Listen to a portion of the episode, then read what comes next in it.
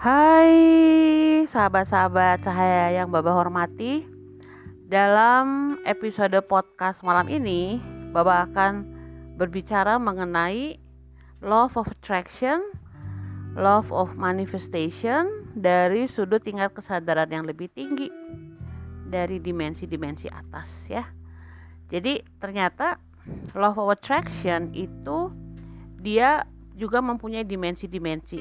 Nah, Bapak akan menjelaskan gimana cara dimensi tiga itu melihat love of attraction. Lalu nanti gimana caranya kita mengubah love of attraction itu menjadi um, proses hidup untuk mendapatkan apa yang kita inginkan dari tingkat kesadaran yang lebih tinggi dihubungkan dengan love of manifestation ya. Nah, teman-teman begini. Jadi di semesta ini ada banyak sekali hukum semesta ya. Nah, tugas kita itu adalah belajar tentang berbagai hukum semesta itu. Karena hukum semesta itu akan selalu terjadi. Mau kita sadari atau mau kita tidak sadari, dia tetap berlaku. Karena harus ada suatu hukum yang mengatur segala sesuatu dengan suatu mekanisme yang akurat yang menghasilkan suatu hasil yang juga akurat sesuai dengan bagaimana hukum itu berlaku. Ya. Nah Bapak pernah buat channel YouTube tentang hukum semesta. Jadi kalau tidak mengerti atau belum paham apa itu hukum semesta silahkan cek di tujuh hukum semesta di channel Baba Tere YouTube. Nah kali ini Bapak mau bicara mengenai apa sih koneksitas hukum tarik menarik ya yaitu law of attraction dengan hukum manifestasi. Bedanya di mana? Nah di antara kedua hukum ini ada satu hukum yang tidak bisa dilupakan atau diabaikan yaitu hukum resonansi. Dia harus sounding harus resound. Sound itu artinya suara atau bunyi. Jadi semuanya itu akhirnya tergantung pada hukum resonansi itu yaitu apakah dia itu uh, yang kita lakukan itu memberikan rasa nyaman gak di telinga kita di setiap sel dalam tubuh kita yang juga bisa mendengarkan ya. Apakah dia sounding? Itu penting banget. Nah kalau kita bicara dasar dari hukum law of attraction dan hukum manifestasi itu bagaimana membedakannya? Membedakannya adalah seperti begini teman-teman. Kalau law love of attraction itu kan attract itu artinya menarik. Jadi kita menarik sesuatu yang dari luar ke dalam diri kita.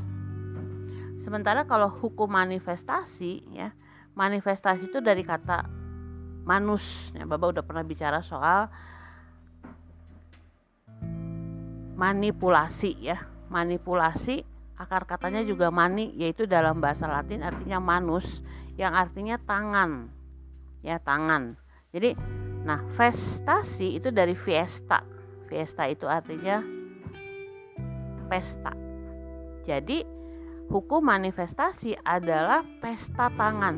Artinya apa? Pesta dari apa yang kita hasilkan dari tangan kita sendiri yang membuat kita itu mendapatkan kita itu bisa mendapatkan atau menciptakan atau memproduksi sesuatu dari dalam diri kita keluar. Jadi bedanya love of attraction dan love of manifestation itu yang satu love of attraction itu dari outside ke inside sementara manifestation itu from inside to outside ya. Nah, nanti tergantung kita mau milih yang mana. Kita mau jadi korban sistem atau kita mau jadi kreator. Tergantung. Nah, teman-teman.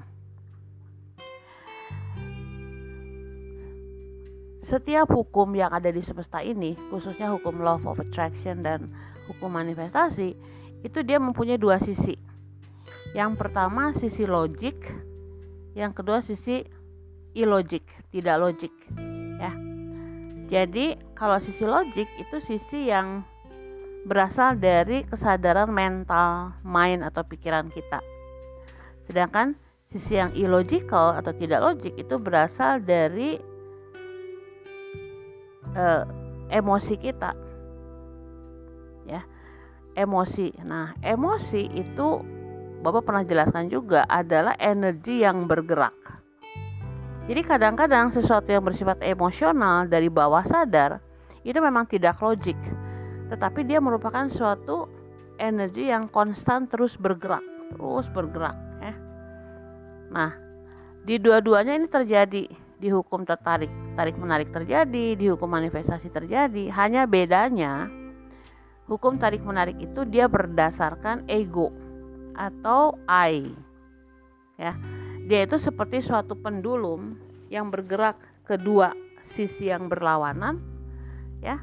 Dari sisi positif, negatif, positif, negatif, positif, negatif sehingga dia tidak kalau dia tidak berada di tengah-tengah itu dia nggak bisa melihat ke segala arah dari satu titik dia cuma bisa lihat ke satu arah kalau nggak positif negatif ya sementara kalau love of manifestation itu dari ego sum atau I am atau uh, sang sumber atau sang logos atau the core ya. Nah itu adalah ketika kita berada di tengah-tengah eksistensi kita dan kita bisa melihat ke segala penjuru. Seperti kita berdiri di satu titik di lingkaran 360 derajat kita bisa melihat semua derajat yang ada ya. Jadi itu bedanya antara hukum tarik menarik dan hukum manifestasi dari konsep siapa yang melakukannya. I dan I am. Ya kalau I itu dia ego jadi dia bisa bergerak-gerak sesuai dengan situasi. Tapi kalau I am ego sum itu dia konstan. Dia harus terus berada di tengah-tengah dia nggak boleh pilih-pilih dia nggak boleh menilai dia nggak boleh menghakimi ya. Dia nggak boleh e, berubah-ubah. Dia tetap ada di core yang titik di mana dia bisa melihat segala sesuatu. Itu penting sekali untuk kita sadari teman-teman ya. Baik selanjutnya. Kita akan bicara mengenai dua hukum semesta ini dilihat dari cakra. Nah, teman-teman, ternyata keduanya berasal dari cakra akar atau cakra dasar ya, cakra yang warna merah. Nah, tergantung kita mau lihatnya dari dimensi ketiga atau dimensi kelima. Kalau dimensi ketiga, cakra akar itu adalah cakra pertama. Tapi kalau dari dimensi kelima, dia adalah cakra yang ketujuh. Ya. Jadi untuk dimensi kelima ada suatu proses dari cakra mahkota, cakra ajna atau pineal gland, cakra tengkor, tenggorokan, cakra hati, solar plexus, cakra sakra, baru cakra dasar. Itu dimensi kelima ya. Tapi kalau dimensi ketiga, dia itu berasal dari cakra yang pertama yaitu cakra dasar yaitu cakra tentang bertahan hidup atau survival ya sandang pangan papan. Fokusnya di situ sandang pangan papan. Kalau di love of manifestation dia bukan tentang sandang papan pangan papan lagi tapi dia adalah dari suatu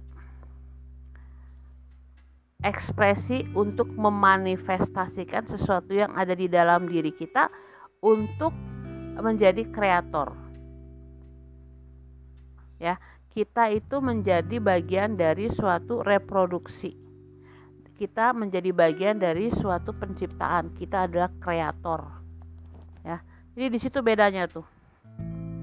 Nah, teman-teman, di tengah-tengah antara love of attraction dan love of manifestation kalau kita lihat dari cakra itu ada yang disebut energi vital atau dalam bahasa Sanskerta disebut kundalini. Nah, kundalini itu yang mengatur segalanya. Jadi pada saat kundalini belum bangkit, itu kita lebih ke dimensi ketiga ya. Pada saat kundalini sudah bangkit, kita ingin menjadi co-creator atau sublogos.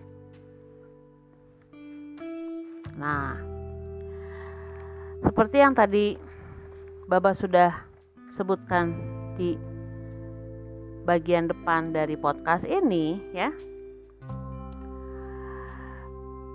Law of attraction itu bisa kita jalani secara dua dari dua sisi yaitu sisi sadar atau conscious dan sisi tidak sadar atau unconscious ya.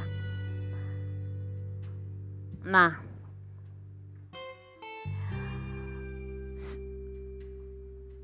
kita mau bicara soal law of attraction dari dimensi ketiga dari sudut bawah sadar atau unconscious. Nah, kalau kita lihat dari cakra akar itu selalu bicara tentang kebutuhan, kemauan, kemauan, kebutuhan, kemauan, kebutuhan. Bapak pernah bilang di channel YouTube dalam video hukum semesta itu ada beda antara kemauan dan kebutuhan. Kemauan itu adalah wants, sedangkan keinginan adalah needs. Nah, wants itu biasanya dia itu mempunyai koneksi dengan apa yang orang-orang di luar kita inginkan. Misalnya, keluarga kita ingin anaknya berhasil. Jadi kita memenuhi keinginan keluarga itu menjadi anak yang berhasil. Atau secara kebudayaan, kita dituntut untuk melakukan sesuatu untuk menjaga eh, rasa hormat dari komunitas atau suku kita. Ya, jadi kita mau eh, kita mau atau ingin eh, mempunyai posisi tertinggi ya di tempat kerja kita atau di mana pun juga supaya kita bisa menjalankan agenda dari orang-orang lain itu ya tetapi kalau kebutuhan needs itu dari dalam diri kita apa yang kita butuhkan terus nanti kita keluarkan lalu dia akan datang karena memang kita butuh misalnya kalau sekarang handphone merupakan suatu kebutuhan bagi anak-anak sekolah, maka handphone itu adalah suatu kebutuhan. Ya, seperti itu. Nah, secara tidak sadar kita dibesarkan dengan suatu sistem. Sistem itu adalah sistem yang disebut pendulum positif dan negatif. Pendulum di positif, negatif dan selalu bertentangan ya. Tentangan baik atau buruk benar atau salah hitam atau putih benci atau cinta, kaya atau miskin, juara atau pecundang, seperti itu. Nah, itu didasarkan pada sistem yang sifatnya patrilineal. Patrilineal itu mengambil jalur e, laki-laki atau juga matrilineal mengambil jalur perempuan seperti di suku-suku bangsa tertentu di Indonesia. Jadi ada yang siswanya patrilineal, ada yang siswanya matrilineal. Tapi kedua-duanya sama. Artinya apa begini? Kalau dari konteks keluarga itu love of attraction selalu berdasarkan apa yang disebut memberi dan menerima. Konteksnya memberi dan menerima, memberi dan menerima. Bahkan di hukum semesta pada saat kita memberi itu ada sesuatu yang menjadi negatif dalam kehidupan kita itu harus segera diisi supaya dia menjadi positif kembali. Kalau tidak, nanti uh, hukum semesta yang masuk, ya. Jadi misalnya gini, kalau kita punya, kalau kita nggak punya uang, maka ketika kita punya uang sedikit dan kita dermakan atau donasikan atau zakat ke orang lain, maka itu menjadi negatif kan. Nah, menjadi negatif itu bukan berarti nanti si semesta ngasih uang positif enggak. Tapi nanti si negatifnya itu dibuat menjadi positif dan tanda petik dengan cara apa? Semesta terus memberikan kondisi nggak punya uang. Nah dalam konteks nggak punya uang nggak punya uang nggak punya uang itu si semesta itu dia menuang menuang lubang yang kosong itu untuk menjadi lebih kosong jadi semesta itu nggak bisa e, berada dalam vakum, dalam kekosongan dan dia akan terus mengisi. Kalau dia kalau dia misalnya negatif dan dia hidup berdasarkan kekosongan, maka semesta akan terus menambah kekosongan itu jadi bukan menambahnya dengan hal positif supaya supaya berubah jadi positif enggak. Dia menambahkan supaya menjadi positif dalam arti kurang kurang kurang kurang nggak ada nggak ada nggak ada nggak punya nggak punya nggak punya. Ya. Nah jadi konteksnya adalah selalu tentang memberi dan menerima. Nah itu terjadi dalam bank ya. Itu dalam bank. Pola pikir dimensi 3 love of attraction bank seperti itu. Jadi pada saat kita mau pinjam uang, ini kita pinjam hmm. uang seratus ribu rupiah ya, seratus ribu rupiah. Kita senang nih kita dapat pinjaman uang seratus ribu rupiah, karena kan berarti sesuatu yang negatif dalam hidup kita menjadi positif karena kita punya uang kan. Maka semesta itu menambahkan, menambahkan apa yang kita punya itu dengan bunga jadi nanti kita harus bayar ke bank adalah 100 ribu misalnya 110 ribu rupiah. Lama-lama jadi 120 ribu rupiah. Lama-lama jadi 130 ribu rupiah.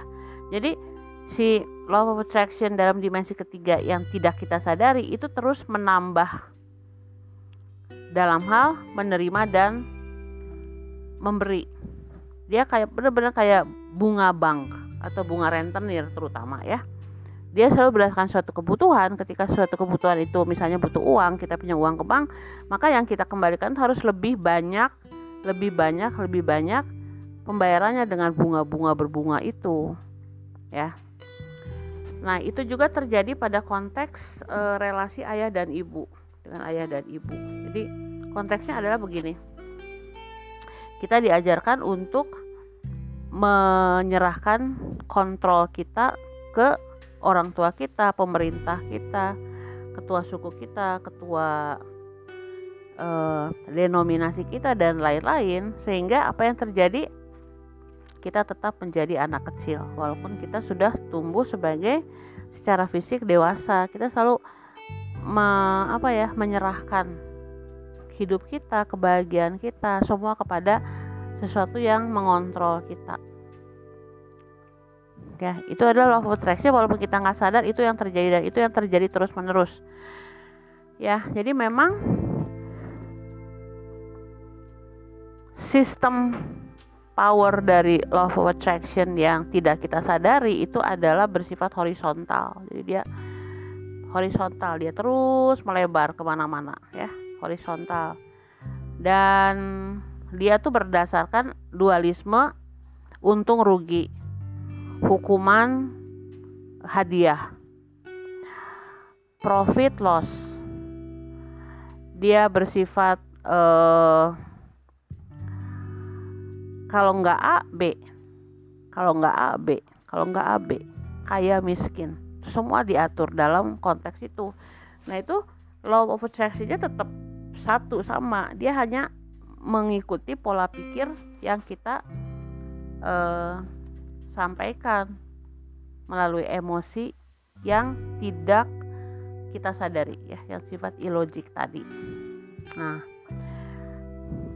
jadi untuk bisa naik tingkat kesadaran ke dimensi yang berikutnya itu kita harus sadar dulu apa yang kita lakukan seperti ini. Nah kenapa ya kita itu sangat terpengaruh dengan uh, sistem kenapa kita kok sangat tergantung dengan sistem? Kenapa ya? Nah ini ada sejarahnya nih. Jadi pada zaman dulu banget ya dulu banget. Itu yang disebut orang kaya itu adalah mereka yang punya banyak domba dan banyak sapi atau kerbau ya. Jadi dulu konteks kapitalisme itu diawali dengan kaput. Kaput tuh kita bisa menghitung kepala-kepala hewan yang kita miliki, lalu disebutnya orang kaya.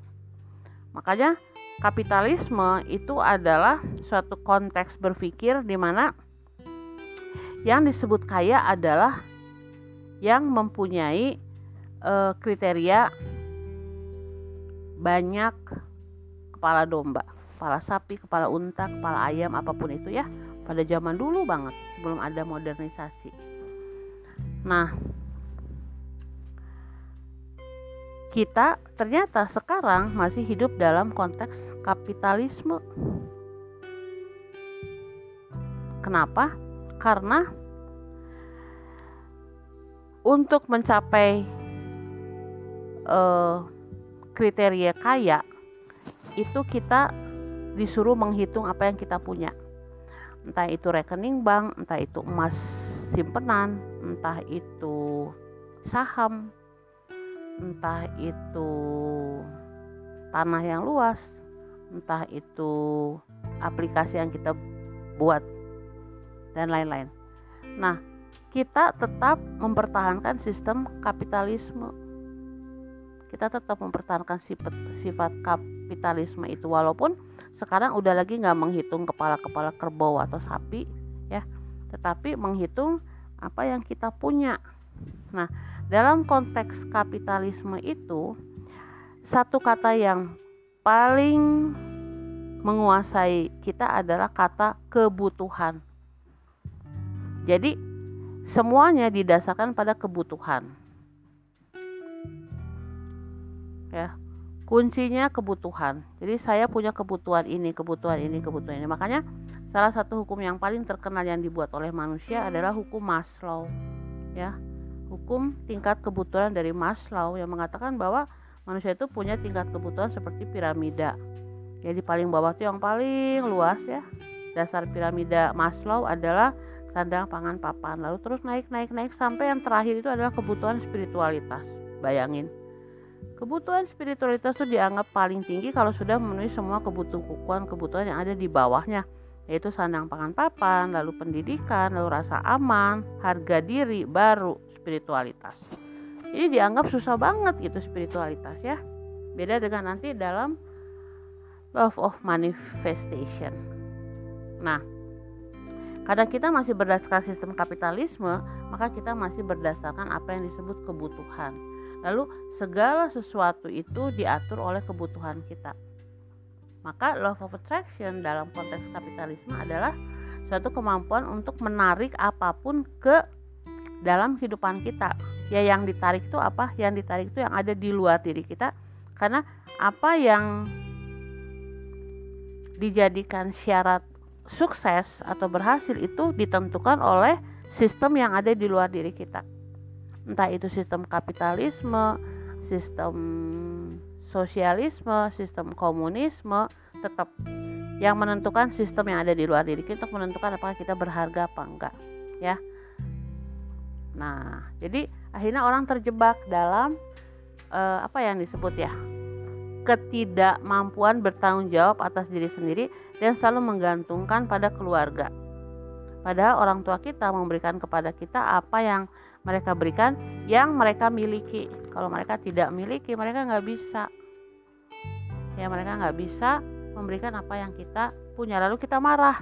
Kita marah sama orang tua, kita marah sama kepala-kepala apa pun itu, bos, kepala-kepala suku atau kepala apa lalu kita marah sama pemerintah ya. Nah demonstrasi yang ada atas rancangan undang-undang kerja itu ya apa sih namanya cipta kerja itu itu adalah ekspresi dari law of attraction dimensi ketiga yang menuntut pemerintah untuk memberikan kebahagiaan sistemnya kapitalisme karena ditentukan nanti uh, buruh pabrik seperti ini, buruh ini seperti ini, buruh seperti itu yang menentukan si sistem sebenarnya.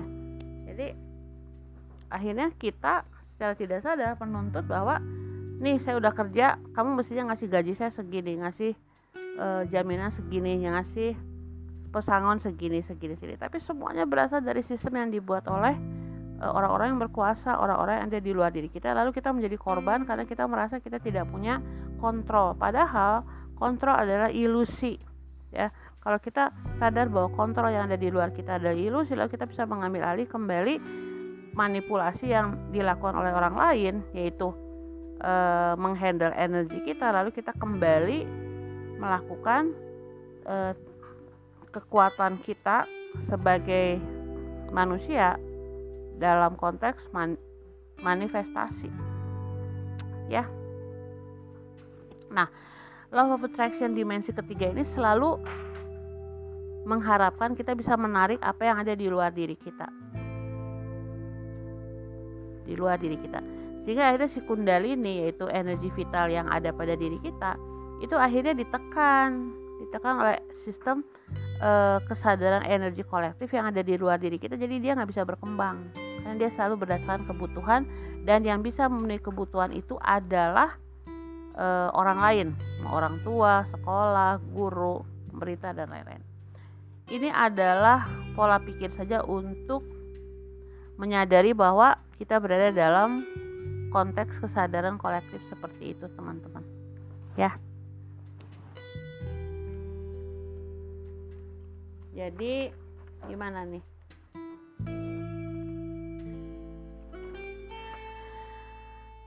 oke kesimpulannya pertama Law of Attraction dimensi ketiga adalah didasarkan pada kebutuhan kapitalisme. Semua yang dianggap berharga itu ada di luar diri kita sehingga kita mau nariknya dari luar ke dalam. Ya. Itu untuk apa? Untuk sekedar bertahan hidup sehingga kita harus melakukan akumulasi terhadap benda-benda yang disediakan di luar diri kita untuk membuat kita berharga. Ya. Kalau kita tidak mampu seperti itu yang terjadi adalah kita menuntut mereka yang ada di luar diri kita entah suami, istri, anak, malah mertua untuk membuat kita bahagia. Jadi, nah ya, jadi relasinya adalah relasi anak dan orang tua. Lalu dia digambarkan dengan relasi anak kepada orang tua juga dalam relasi antara umat dan Tuhan. Jadi kita nuntut Tuhan untuk memenuhi kebutuhan kita. Tuhannya di luar diri kita, jadi kita nuntut. Nih, saya udah melakukan A, B, C, D, E semua kewajiban-kewajiban agama udah saya lakukan. Agama itu sistem loh, jadi diciptakan secara kultural ya. Jadi nuntut harusnya Tuhan membuat saya seperti ini dong kalau saya sudah melakukan apa yang Dia inginkan gitu. Padahal yang Tuhan inginkan belum tentu apa yang sesuai dengan sang sumber inginkan. Kalau dia merupakan suatu sistem yang dibuat oleh kultur, walaupun itu kultur religi, dia bukan Tuhan yang sebenarnya. Maka kita harus melihat kembali relasi kita dengan Tuhan. Apakah relasi kita adalah relasi anak terhadap orang tua yang nuntut orang tua untuk memenuhi kebutuhannya? Atau kita mau menjadi seorang yang dewasa lalu bertanggung jawab atas kebahagiaan kita sendiri? Maka lalu kita belajar tentang apa yang disebut love of manifestation ya love of manifestation itu adalah bagaimana kita menghandle apa yang ingin kita ciptakan. Kita yang menciptakan realita-realita kita, ya. Nah, love of, of manifestation itu teman-teman itu tetap ada dari cakra ke mau terserah mau cakra ke satu atau cakra ke tujuh dari dimensi tiga atau dimensi lima tapi dia merupakan yang disebut cakra akar atau cakra dasar ya. Nah love attraction ini um, kekuatannya berdasarkan inner power ya. Power di dalam diri kita sendiri. Dari core kita. Dari core kita. Ini dilakukan oleh mereka yang adalah kaum alkemis ya. Kaum uh, saga sage saga. Kaum wanderers ya. Magician tukang-tukang sulah magic magic ya. Atau mesias-mesias yang ada dari era ke era dan banyak banget ya. Gak cuma satu dua tapi banyak banget. Sifatnya itu vertikal ya, vertikal. Jadi dia tuh sifatnya tuh uh, ada ide yaitu yang ada dalam pikiran kita lalu ada materi sesuatu yang kita punya yang bisa kita sentuh lalu kita menciptakan sesuatu dari kosong dan ketika kita menciptakan itu kita tidak perlu melihat apa yang ada di luar kita untuk mencipta. Kita menciptanya dari dalam diri kita sendiri sesuatu yang bersifat seimbang atau balance. Ya, suatu seimbang. Jadi di law of manifestation kita udah nggak nuntut orang tua lagi untuk memenuhi kebutuhan-kebutuhan kita karena kita mendapatkannya dari dalam diri kita sendiri. Nah, Berarti love of manifestation itu ada law of creation atau apa? suatu mekanisme semesta untuk membuat kita itu bisa memenuhi kebutuhan kita sendiri dan kita mengkreasikannya melalui apa? Melalui kesadaran bahwa kita adalah sumber, kita adalah sang sumber dan kita bisa memenuhi memenuhi apa yang harus kita miliki dalam kehidupan ini melalui jejaring atau networking.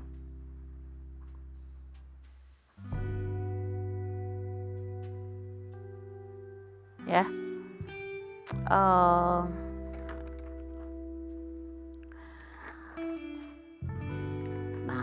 Bagaimana caranya kita itu melakukan law of manifestation? Ya. Law of manifestation itu adalah menjadi mujizat. Kita menjadi mujizat bagi diri kita sendiri sehingga kita bisa menunjukkan bahwa mujizat itu nyata dan kita yang adalah mujizat itu sendiri. Ya. Jadi nama lain dari manifestor adalah kreator. Jadi manifestor realita adalah kreator realita, yaitu suatu kemampuan untuk menggerakkan diri kita sendiri lalu suatu kemampuan untuk memanipulasi energi kita untuk mendapatkan apa pun yang kita inginkan, apa pun yang kita butuhkan ya.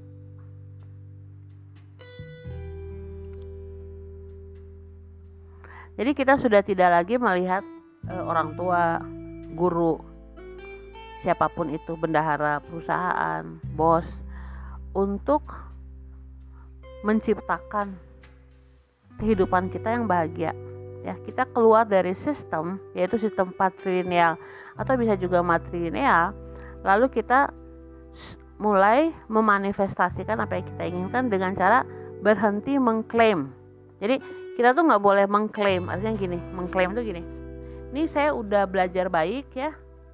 Jadi saya mesti dapat A atau saya jadi juara atau saya harus jadi uh, mahasiswa teladan atau saya harus diterima di universitas yang saya inginkan. Itu namanya claiming atau dalam dunia pekerjaan.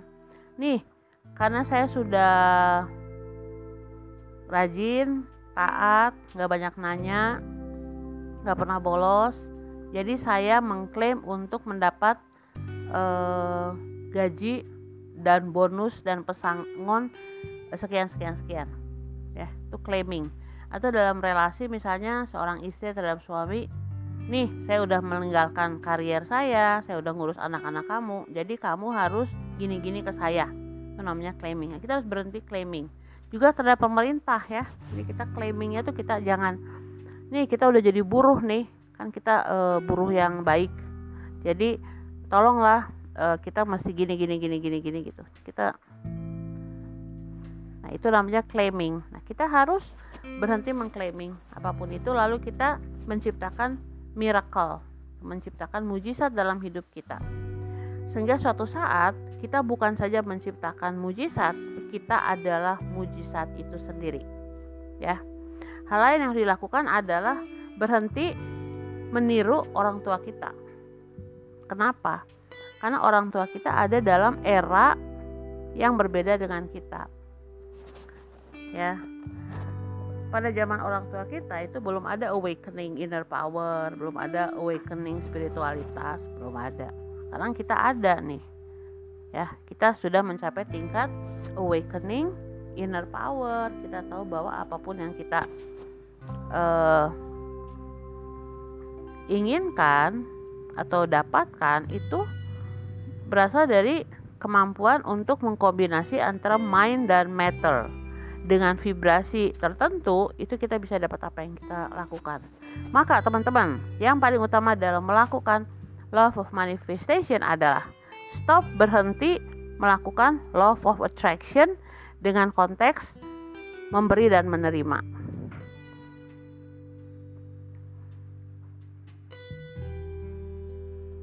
ya. Jadi berhenti. Berhenti uh, konteksnya gini.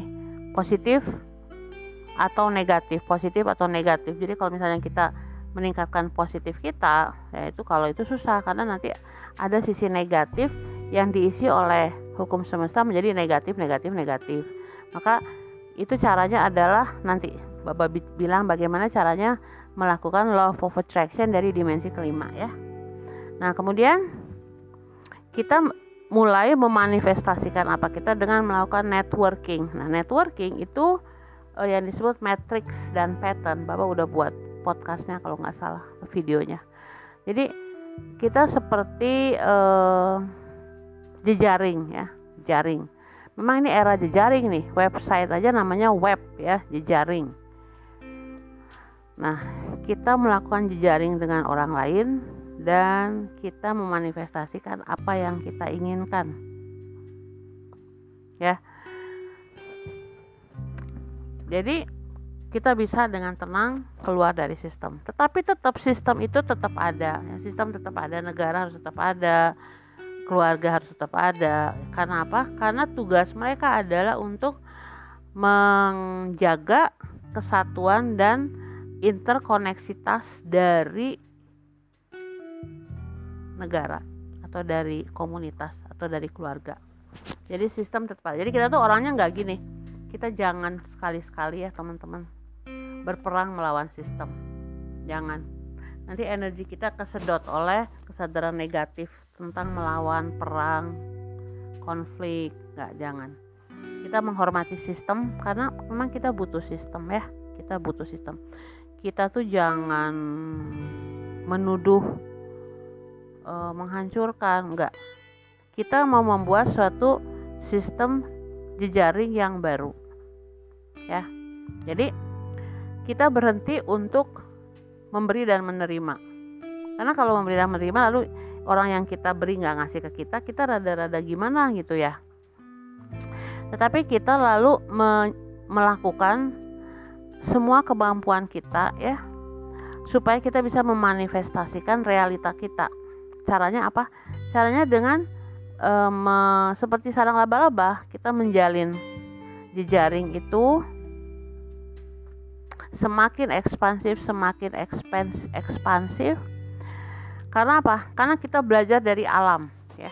Alam itu mereka melakukan love of attraction sekaligus love of manifestation yang seimbang ya. Misalnya kupu-kupu kupu-kupu itu dia uh, bukan kupu-kupu deh bunga aja ya. Bunga itu dia memanifestasikan kecantikan dirinya dengan memberi warna yang bagus uh, wangi-wangian yang indah. Dia menarik menarik. Dari dari semua keindahan yang ada dalam diri bunga itu membuat dia menjadi sesuatu yang menarik ya dia memanifestasikan kecantikan, keindahan, keharumannya berdasarkan dari apa yang ada di dalam diri si bunga itu.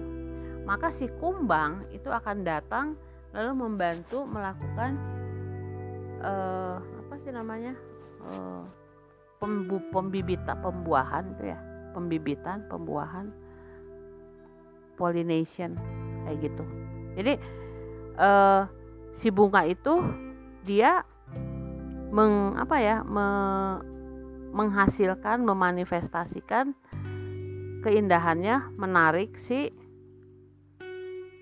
si lebah. Nah, dia kan nggak narik-narik lebah dengan teriak-teriak terus, meditasi terus mikir lebah datanglah lebah datanglah lebah datanglah.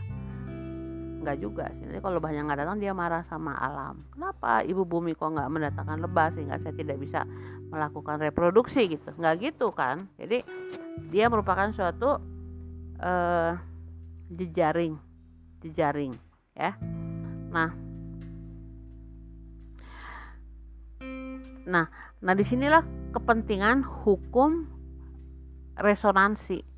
Dia harus sounding. Soundingnya itu artinya dia harus gelombangnya tuh gelombang yang tepat dengan kita. Maka apa pun yang di akan kita lalu menjadi law of manifestation kita itu akan uh, terjadi ya. Jadi jangan pernah berkelahi dengan hukum semesta jangan pernah berkelahi dengan alam.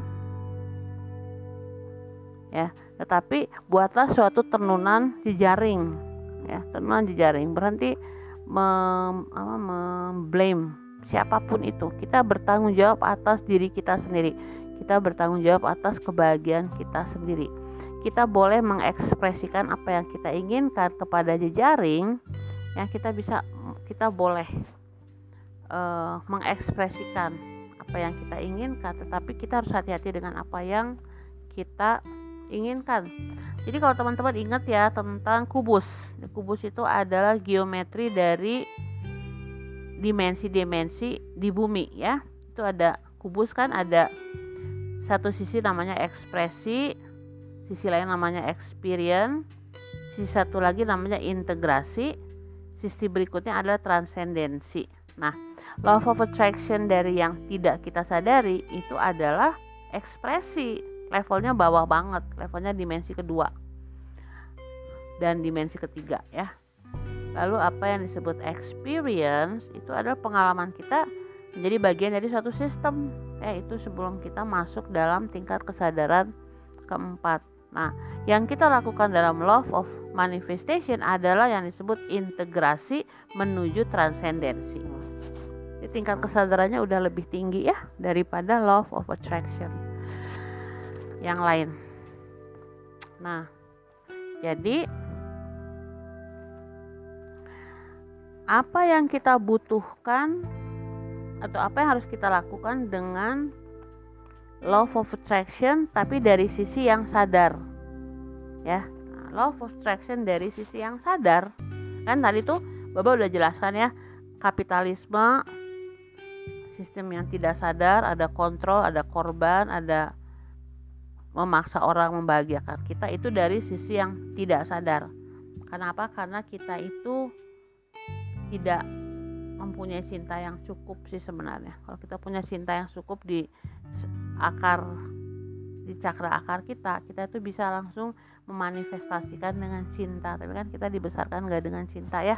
Kita dibesarkan dengan ketakutan.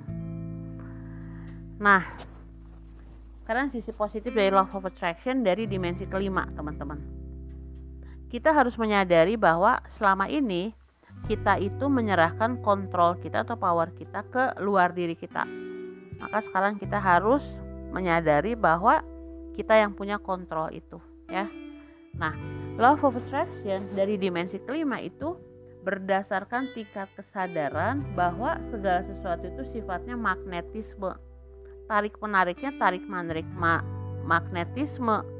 Sehingga kita harus sadar sekali tentang hukum resonansi jadi hukum resonansi itu gini ya. Kalau kita mau melakukan sesuatu terus tiba-tiba suara hati kita mengatakan aduh kayaknya enggak enggak deh. Atau tiba-tiba ada sakit perut tiba-tiba gitu tiba-tiba sakit kepala gitu ya tiba-tiba ih. Tiba-tiba kita kayak apa ya kayak aduh nggak mau deh nggak nggak nggak diizinkan untuk secara spontan berbahagia melakukan sesuatu hal.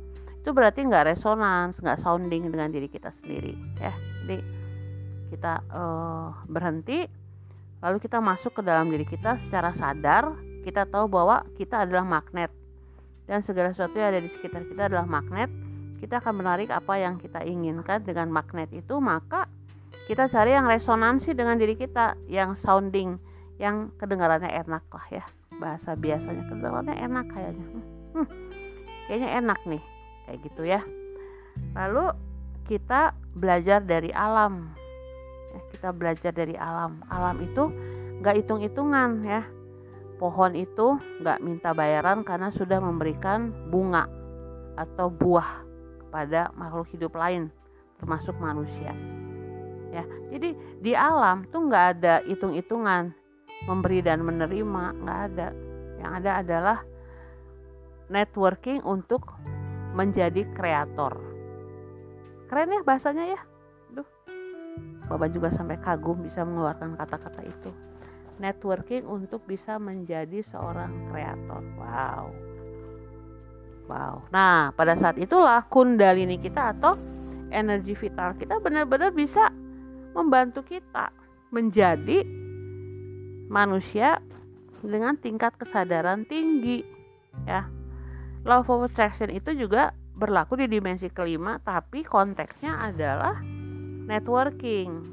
Nah, love of manifestation juga itu ada di dimensi kelima yaitu me, apa ya mengolah semua yang ada di dalam diri kita untuk menciptakan sesuatu dengan cara networking juga. Sama-sama networking ya.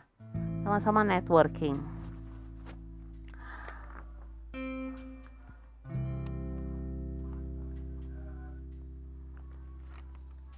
Oke teman-teman apalagi nih yang Baba harus lihat dari coretan-coretan Baba ini Baba udah ngerjainnya berhari-hari ini. Tapi senang kalau udah bisa keluar mengeluarkan sesuatu yang bisa membantu banyak orang. Kayaknya bahagia banget ya. Oke. Pokoknya tadi mau bicara sesuatu. Oke jadi begini ya ini hanya untuk mereka yang siap siap untuk uh, tiba pada suatu tingkat kesadaran kosmologi bahwa teman-teman kita harus lepas dari apa yang kita sebut kebutuhan. Kita harus keluar dari apa yang kita sebutkan kebutuhan. Dan untuk keluar dari sifat uh, kita yang selalu butuh, butuh ini, butuh ini, butuh ini, itu berarti kita harus lepas dari kemelekatan. Kemelekatan ya. Uh, karena begitu ada kemelekatan entah terhadap barang, orang, situasi dan lain-lain, yang terjadi adalah ada kebutuhan lain untuk mempertahankan kemelekatan itu. Ya. Caranya gimana? Caranya adalah dengan belajar sekarat. Itu bahasa Inggrisnya bagus tuh. Uh, daily small death ya. Atau little dying. Aduh apa ya? Jadi kita harus mati ya. Latihan untuk mati dari momen mom dari momen ke momen gitu. Pada saat kita melepaskan suatu kemelekatan itu ya kita sebenarnya mati untuk apa yang menjadi kemelekatan itu ketika kita sudah bisa melepaskan kemelekatan itu kita mendapatkan hidup baru. Jadi kita nggak usah nunggu kita mati nanti ya. Lalu kita hidup sesudah kita mati enggak kita harus melewati suatu proses suatu kehidupan di mana kita dari masa ke masa itu kita mengalami kematian-kematian kecil. Dan pada saat yang bersamaan kita juga mengalami kehidupan kebangkitan kebangkitan kehidupan kecil sehingga nanti kalau kita meninggal itu kita nggak kaget. Kita nggak kaget loh kok tiba-tiba kita mati besar gitu ya. Nah Bapak punya seorang guru pembimbing rohani ya dia seorang biarawati kontemplatif. Dan dia ngajarin sejak masih muda. Dia bilang kamu harus belajar untuk dying. Dying itu sekarat.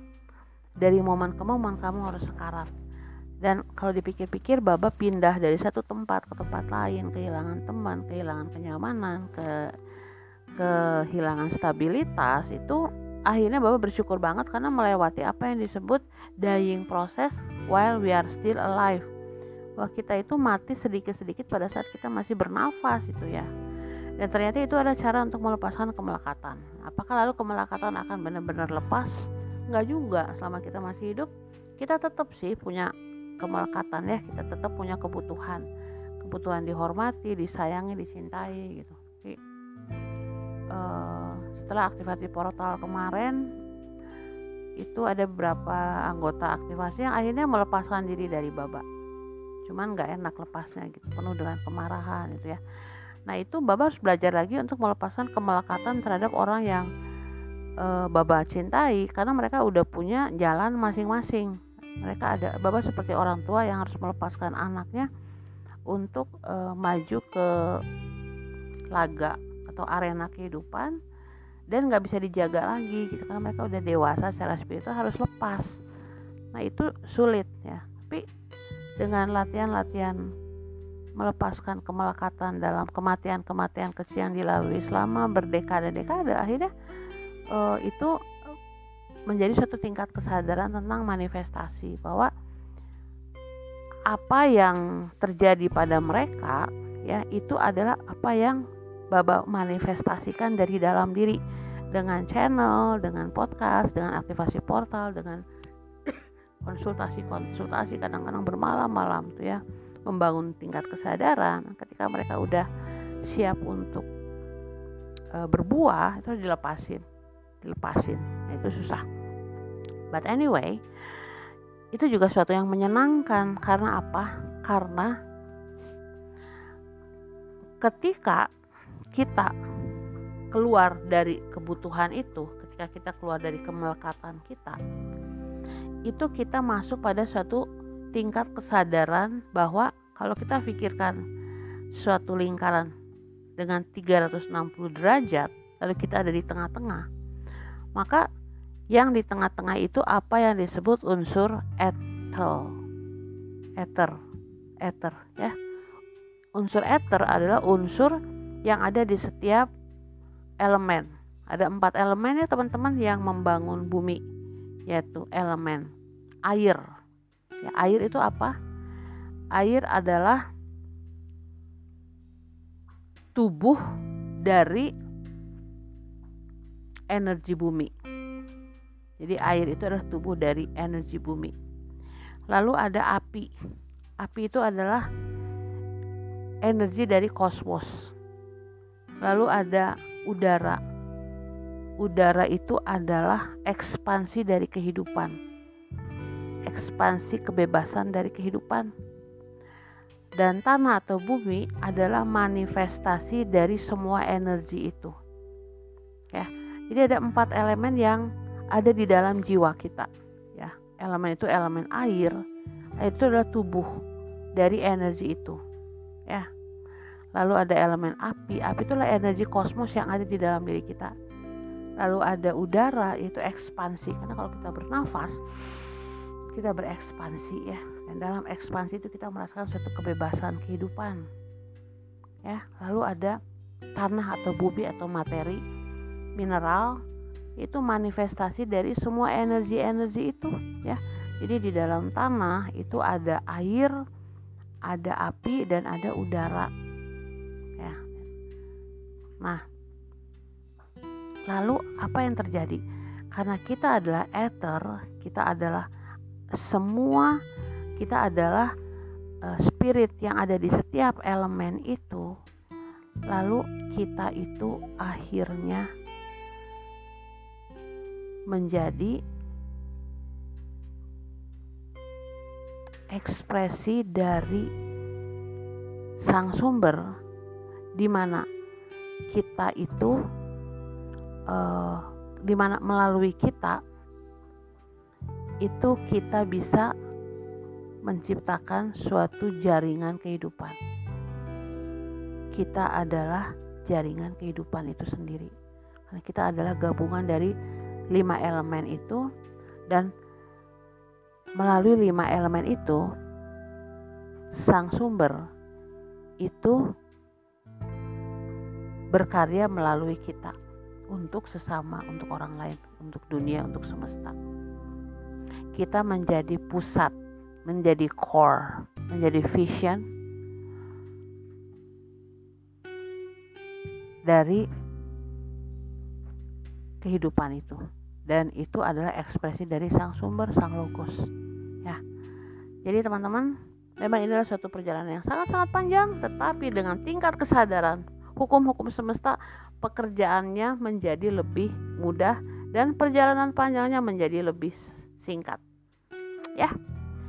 Oke, teman-teman sampai demikian dulu lah. Uh, ini nanti Bapak mau menciptakan channel YouTube-nya sih biasa oret-oretan.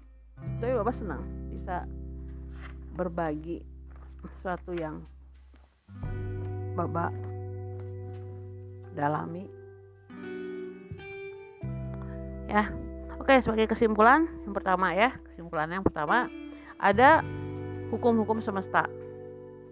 Yang kita pelajari adalah love of attraction dan love of manifestation tapi dia harus sesuai dengan love of resonansi yaitu dia harus sounding harus kedengarannya enak nah dua-duanya itu berasa itu bermain di area bawah sadar dan sadar ya di logika logik dan di emosional tapi Kedua-duanya itu mengarahkan kita pada e, cara untuk mendapatkan apa yang kita inginkan. Kalau law of attraction itu kita mendapatkan apa-apa dari luar diri kita. Kalau law of manifestation kita menghasilkan sesuatu dari diri kita keluar diri kita. Seperti itu ya bedanya di situ. Jadi Anda tinggal memilih Anda mau milih yang mana, mau yang dari luar atau dari dalam. Oke. Okay. Namaste.